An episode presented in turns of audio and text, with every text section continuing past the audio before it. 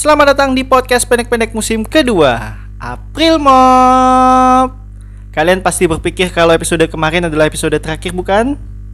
Tadinya saya berpikir seperti itu sih Tapi ternyata masih lanjut. Jadi ya sudah.